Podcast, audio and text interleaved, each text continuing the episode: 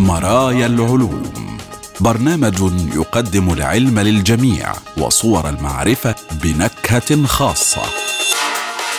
مرايا العلوم يسعى إلى اكتشاف عالم أفضل عبر جسر العلوم والتكنولوجيا.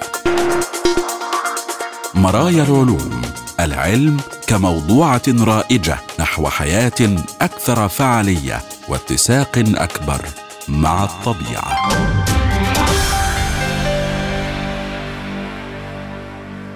أهلا بكم مستمعينا الكرام وحلقة جديدة من مرايا العلوم حيث العلوم والحياة وصور المعرفة وتردداتها بلا حدود والسعي نحو غد أفضل يتسع للجميع ويفتح ذراعيه لعقول السلام. معكم أحمد أحمد وفي هذه الحلقة. الذكاء البشري عبر الأخطبوط وطفرات الهيموغلوبين الفريد. وهندسة الشمس الجيولوجية والاحترار. البداية نشرة العلوم.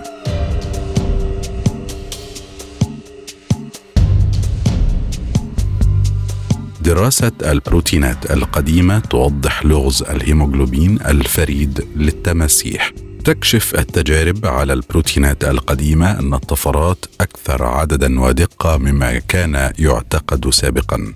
يقول العلماء يتمحور نجاح الكمين الذي ينصبه التمساح لفرائسه في خزانات الهيموغلوبين التي تتدفق عبر مجرى الدم وتفرغ الأكسجين من الرئتين إلى الأنسجة بمستوى بطيء ولكنه ثابت يسمح لها بالحياة لساعات بدون هواء. وأدت الكفاءة المفرطة لهذا الهيموغلوبين المتخصص إلى تساؤل بعض علماء الأحياء عن السبب من بين جميع الفقاريات الفكية في جميع أنحاء العالم حيث كانت التمساحيات هي المجموعة الوحيدة التي توصلت إلى مثل هذا الحل الأمثل لتحقيق أقصى استفادة من التنفس.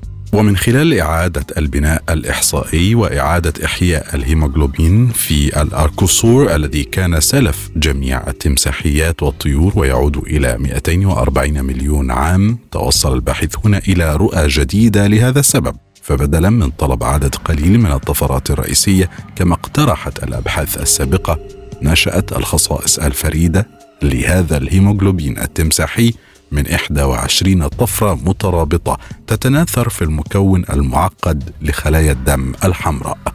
قال الباحثون إن هذا التعقيد والتأثيرات العرضية المتعددة التي يمكن أن تحدثها أي طفرة في الهيموغلوبين ربما تكون قد صاغت مسارا تطوريا يشبه المتاهة لدرجة أن الطبيعة فشلت في تعقبه حتى على مدار عشرات الملايين من السنوات.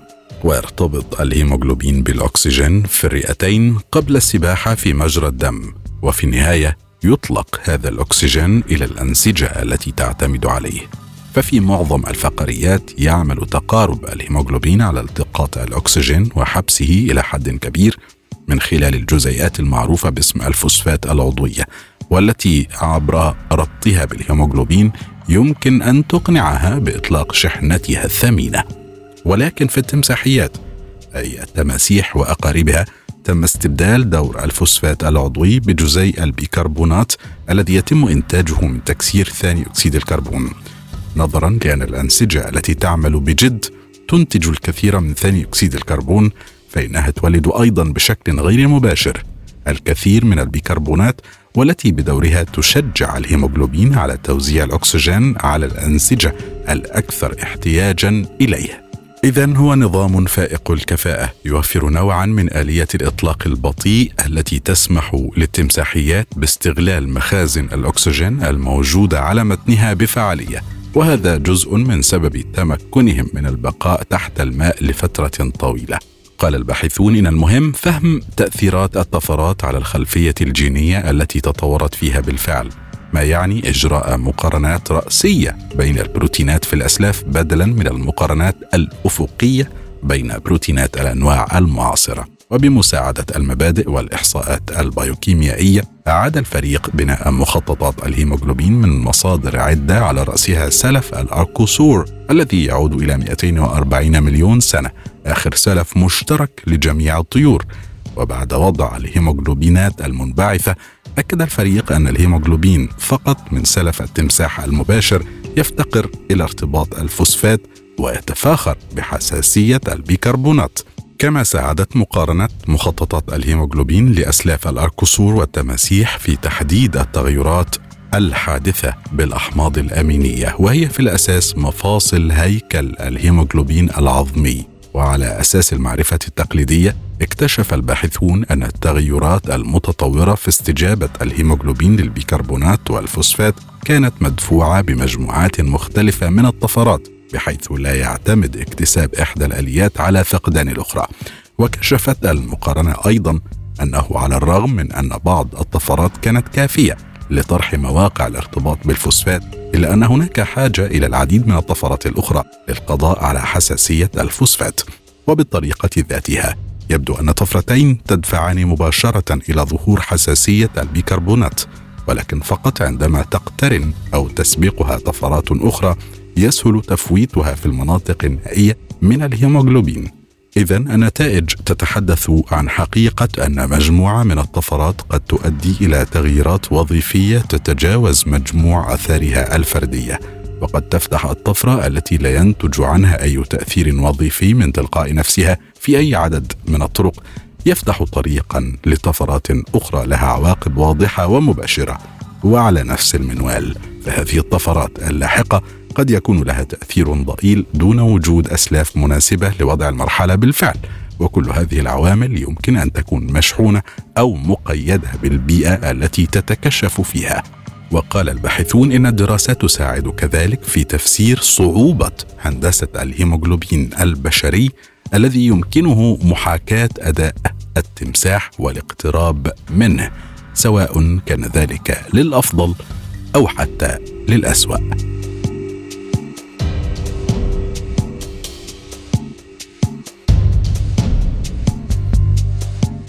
نحن بحاجة إلى اختبار تقنيات الهندسة الجيولوجية الشمسية قريبا. الهندسة الجيولوجية الشمسية واجهت معارضة لكن العشرات من علماء المناخ يقولون في رسالة مفتوحة إن هناك حاجة إلى مزيد من البحث. على الفور لفهم فعالية التقنيات الخاصة لمواجهة ارتفاع درجة حرارة الكوكب. وقد تم اقتراح الهندسة الجيولوجية الشمسية كطريقة لمواجهة الاحتباس الحراري. وأوضح العلماء أن هناك حاجة إلى مزيد من البحث حول تقنيات الهندسة الجيولوجية الشمسية التي يمكن استخدامها فعليا لتجنب الاحترار المناخي الخطير وفق مئات الأبحاث المنشورة منذ بداية هذا العام. يقول العلماء إنه في حين أن الحد من الانبعاثات أمر بالغ الأهمية لا يمكن لأي مستوى من التخفيض الذي يتم إجراؤه الآن عكس تأثير الاحترار لانبعاثات غازات الاحتباس الحراري في الماضي والحاضر. وهناك العديد من الطرق الممكنة لإزالة الكربون من الغلاف الجوي والتي وجدت اللجنة الحكومية الدولية المعنية بتغير المناخ التابعة للأمم المتحدة أنها ضرورية للحفاظ على ارتفاع درجة حرارة هذا القرن دون درجتين مئويتين. ويقول العلماء إن التدخلات من خلال ما تسميه إدارة الإشعاع الشمسي هي أسرع طريقة لمواجهة الاحترار المناخي على المدى القصير وينبغي إجراء مزيد من الأبحاث لفهم فعاليتها وعواقبها المحتملة على مناطق مختلفة وعلى كوكب الأرض.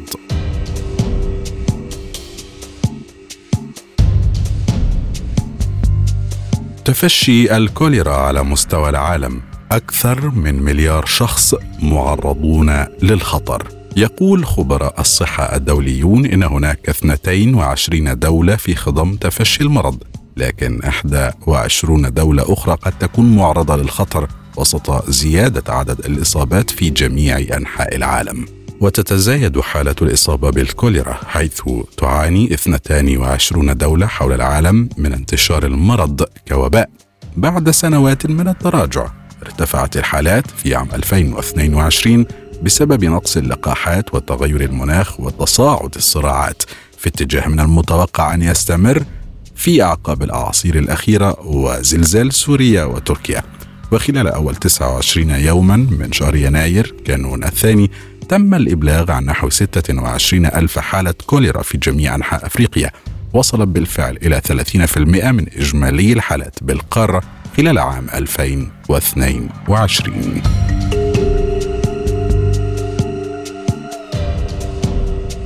اختراق في تسجيل موجات الدماغ للأخطبوط المتحرك بحرية تامة. الأخطبوطات عبارة عن رخويات وهي مجموعة تطورية كبيرة تنتمي إليها أيضا الرخويات والقواقع. لقد تطورت أدمغتهم المعقدة وادمغه رأسيات الأرجل الأخرى ذات الصلة الوثيقة مثل الحبار تطورت بشكل منفصل عن الفقاريات ولذلك غالبا ما يشار إلى الأخطبوطات على أنها شبيهة بالكائنات الفضائية. واكتشف العلماء كيفية تسجيل نشاط الدماغ في الأخطبوطات المستيقظة والمتحركة وهي خطوة رائعة في فهم كيفية تحكم الدماغ في سلوكهم. حدث ذلك من خلال زرع الأقطاب الكهربائية ومسجل البيانات مباشرة في تلك الحيوانات وحقق العلماء بالفعل انجازا مدهشا لتسجيل نشاط الدماغ من الأخطبوطات أثناء تحركها بحرية. وتمثل هذه الدراسة خطوة حاسمة إلى الأمام في اكتشاف كيفية سيطرة أدمغة الأخطبوط على سلوكها. ويمكن أن توفر أدلة على المبادئ المشتركة اللازمة لحدوث الذكاء والإدراك. يقول الباحثون إذا أردنا فهم كيفية عمل الدماغ فإن الأخطبوطات هي الحيوان المثالي للدراسة مقارنة بالثدييات. كما أن لدى الأخطبوطات عقلا كبيرا وجسما فريدا بشكل مذهل وقدرات معرفية متقدمة. تطورت بالفعل بشكل مختلف تماما عن تلك التي لدى الفقاريات سجل الباحثون نشاط دماغ الأخطبوط لمدة 12 ساعة. هنا يكون الأخطبوط في حالة نوم نشط وهي مرحلة تحدث فيها تغيرات سريعة في اللون والملمس بالإضافة إلى حركة مصاصة سريعة. لكن قياس الموجات الدماغية للأخطبوط أثبت أنه يمثل تحديا تقنيا حقيقيا على عكس الفقاريات فإن الأخطبوطات رخوة الجسم. لذلك ليس لديهم جمجمة لتثبيت جهاز التسجيل عليها لمنع إزالتها. يقول الفريق تمتلك الأخطبوطات ثمانية أذرع قوية ومرنة للغاية والتي يمكن أن تصل إلى أي مكان على الجسم. إذا حاولنا توصيل الأسلاك بها فستتمزق على الفور إذا تم قطعها. لذلك كنا بحاجة إلى طريقة لإبعاد المعدات تماما عن متناولها عن طريق وضعها تحت الجلد.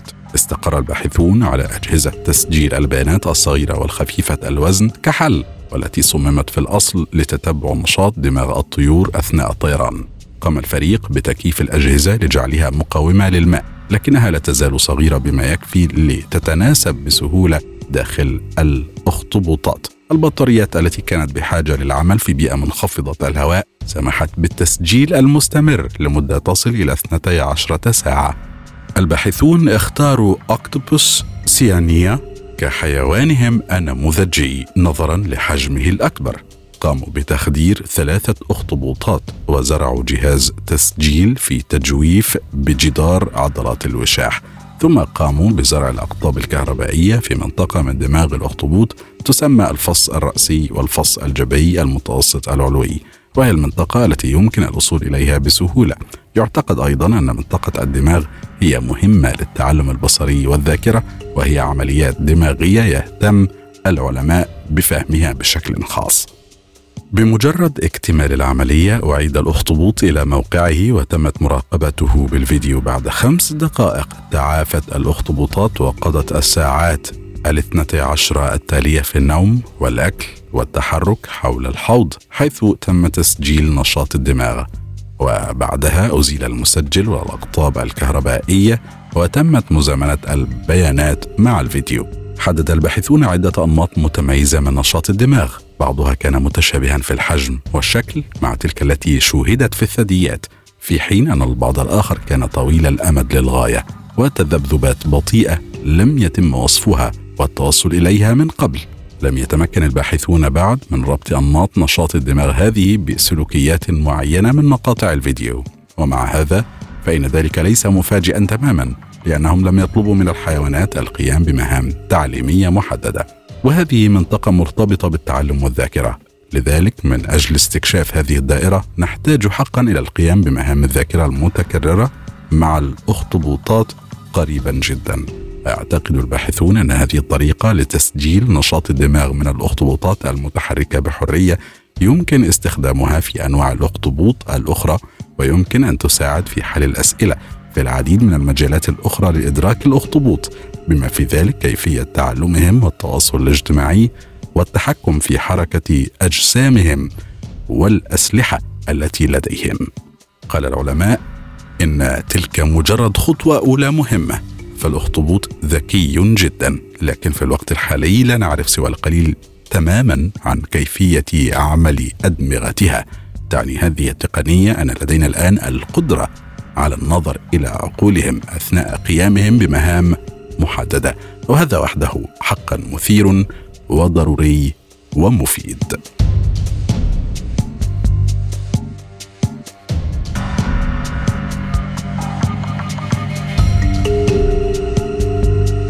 قد لا تكون أجهزة استشعار المركبات المريخية حساسة بما يكفي للعثور على علامات الحياة. أثناء اختبار مستشعرات مركبة المريخ الشهيرة في صحراء أتاكاما وجد الباحثون عن غير قصد مجموعة متنوعة من الكائنات الحية الدقيقة التي لا يمكن تصنيفها والتي تسمى المنطقة الأحيائية المظلمة. يقول الباحثون قد لا تتمكن الأدوات العلمية التي أرسلناها إلى المريخ من اكتشاف علامات الحياة هناك وأظهرت اختبارات هذه الأدوات على عينات من صحراء أتاكاما في تشيلي أنها قد لا تكون حساسة بما يكفي لاكتشاف المواد البيولوجية حتى لو كانت موجودة على سطح الكوكب الأحمر. أخذ العلماء عينات في منطقة من الصحراء تسمى ريدستون حيث يكون الغبار أحمر لأنه مليء بالهيمايت وهو نفس المعدن الذي يعطي المريخ لونه الصدئ. يوضح العلماء أنه ربما يكون هذا أكثر مكان شبيه بالمريخ على وجه الأرض. الوجود هناك يشبه الوجود على سطح الكوكب الأحمر باستثناء لون السماء. وعندما استخدموا أحدث الأدوات العلمية المتاحة النوع المتاح فقط في المختبرات على الأرض استخدموها لتحليل تركيبة عيناتهم وجدوا ما يصل إلى واحد مايكروغرام من الحمض النووي لكل جرام من التربة وحين وجدوا ذلك فيما حولهم من أرض مليئة بالحياة وعناصرها الثرية موجودة بالفعل ومتوافرة توصلوا حينها إلى أنه قد لا تكون أجهزة استشعار المركبات المريخية المستخدمة قد لا تكون حساسة بما يكفي للعثور على علامات الحياة. ومعنى ذلك أنه قد تكون هناك حياة فوق المريخ ولكننا لا نمتلك الأدوات الخاصة والقادرة على استشعار هذه الحياة. والآن مستمعينا الكرام إلى فقرة جديدة في ضوء العلم الموضة والبيئة. إجراءات ضرورية قبل فوات الأوان صناعة الملابس في حاجة ماسة إلى البحث العلمي.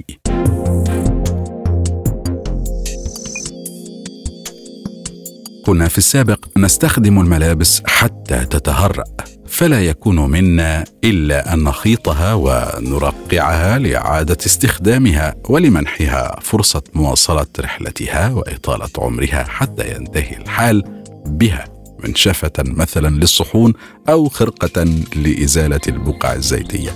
لم يعد الحال كما كان ففي البلدان ذات الدخل المرتفع خاصة يتسابق المستهلكون على اقتناء الملابس والأحذية والأثاث ثم لا تلبث هذه الأشياء أن تزول عنها جدتها وتفقد جاذبيتها فيتخلصون منها سعيا وراء المنتجات الأحدث والأكثر عصرية وهكذا.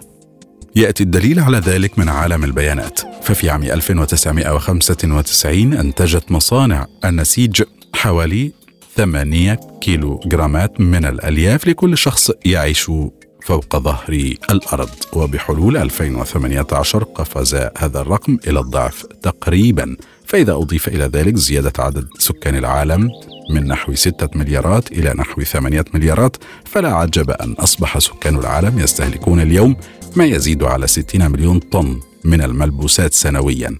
ويتوقع أن يرتفع الرقم ليصل إلى قرابة 100 مليون طن بحلول عام 2030 ترى لماذا أطلق مصطلح الموضة السريعة؟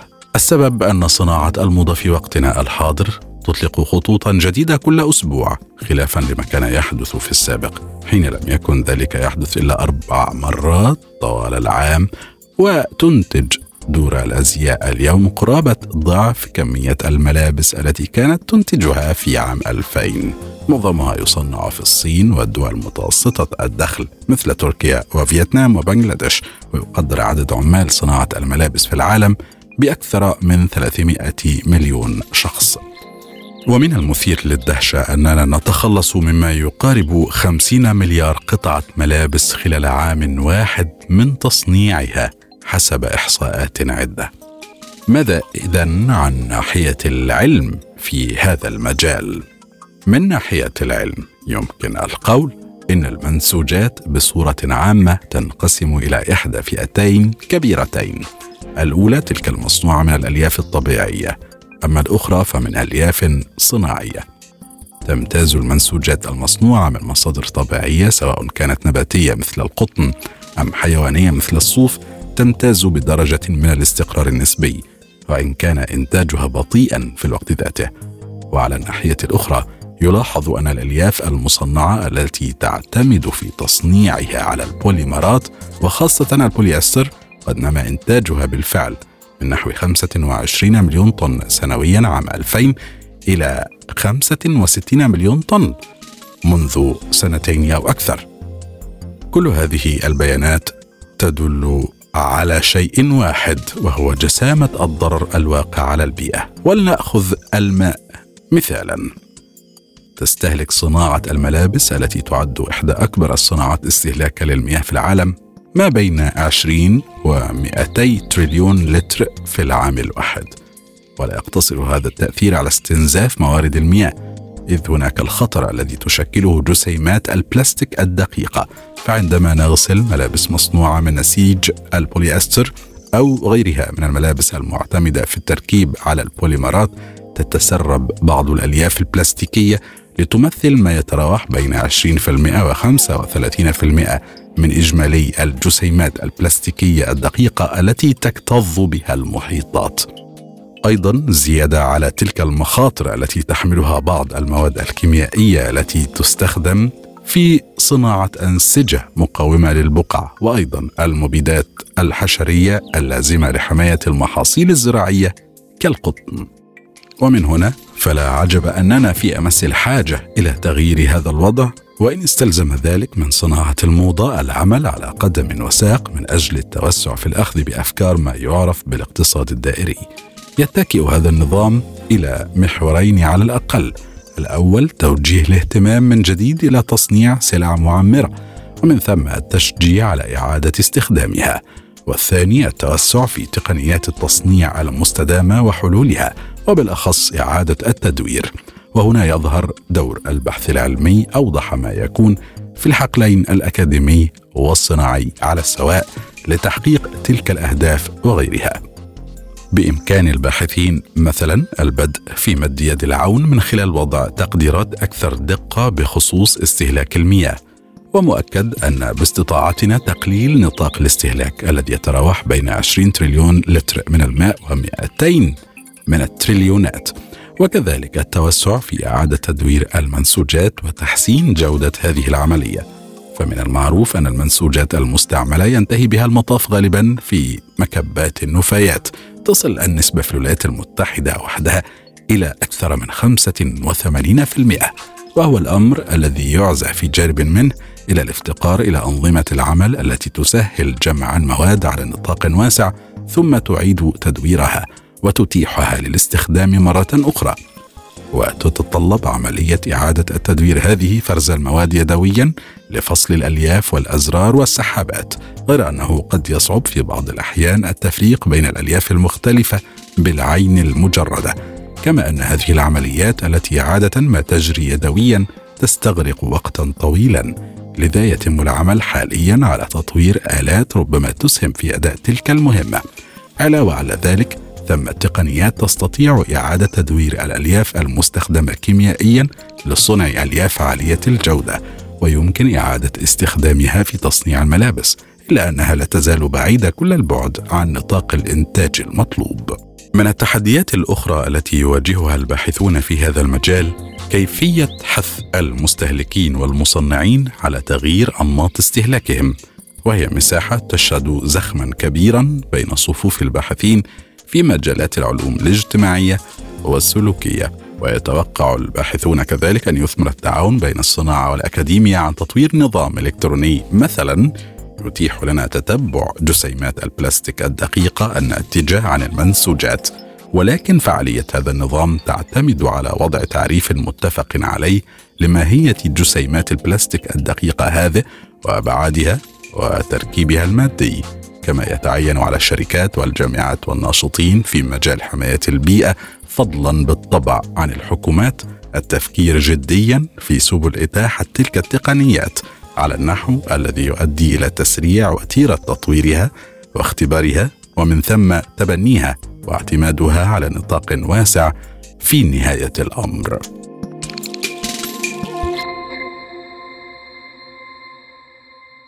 والآن مستمعينا الكرام إلى فقرتنا الأثيرة وهي الثقب الذهبي والذي نستعيد خلاله سير كبار البارزين من العلماء في شتى ميادين المعرفة المتخصصة. ومنهم هيرمان ويل أو هيرمان كلاوس هوجو فيل الرياضي والفيزيائي والفيلسوف.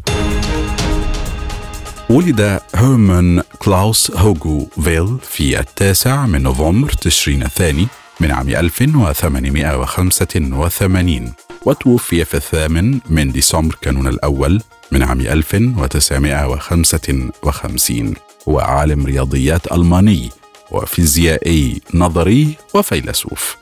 على الرغم من أنه قضى معظم حياته العملية في زيورخ بسويسرا ثم برينستون بولاية نيوجيرسي الأمريكية فقد ارتبط بتراث جامعة جوتنجن الألمانية للرياضيات ممثلا ديفيد هيلبرت وهيرمان مينكوفسكي.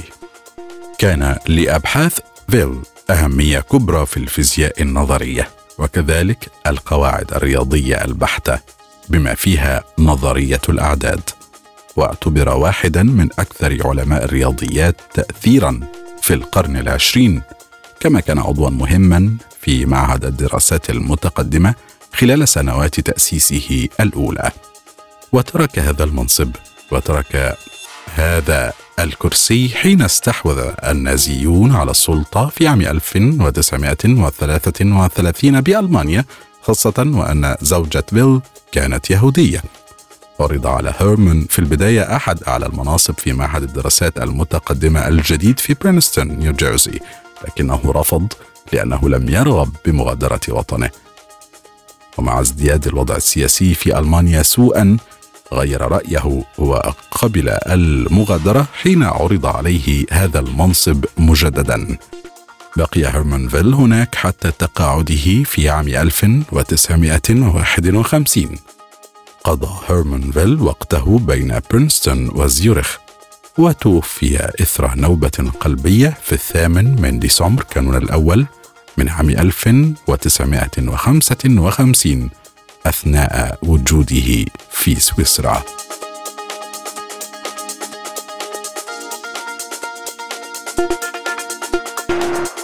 إلى هنا مستمعينا الكرام نكون قد وصلنا وإياكم إلى خاتمة هذه الحلقة من مرايا العلوم. أراكم دائما بخير. شكرا وإلى اللقاء.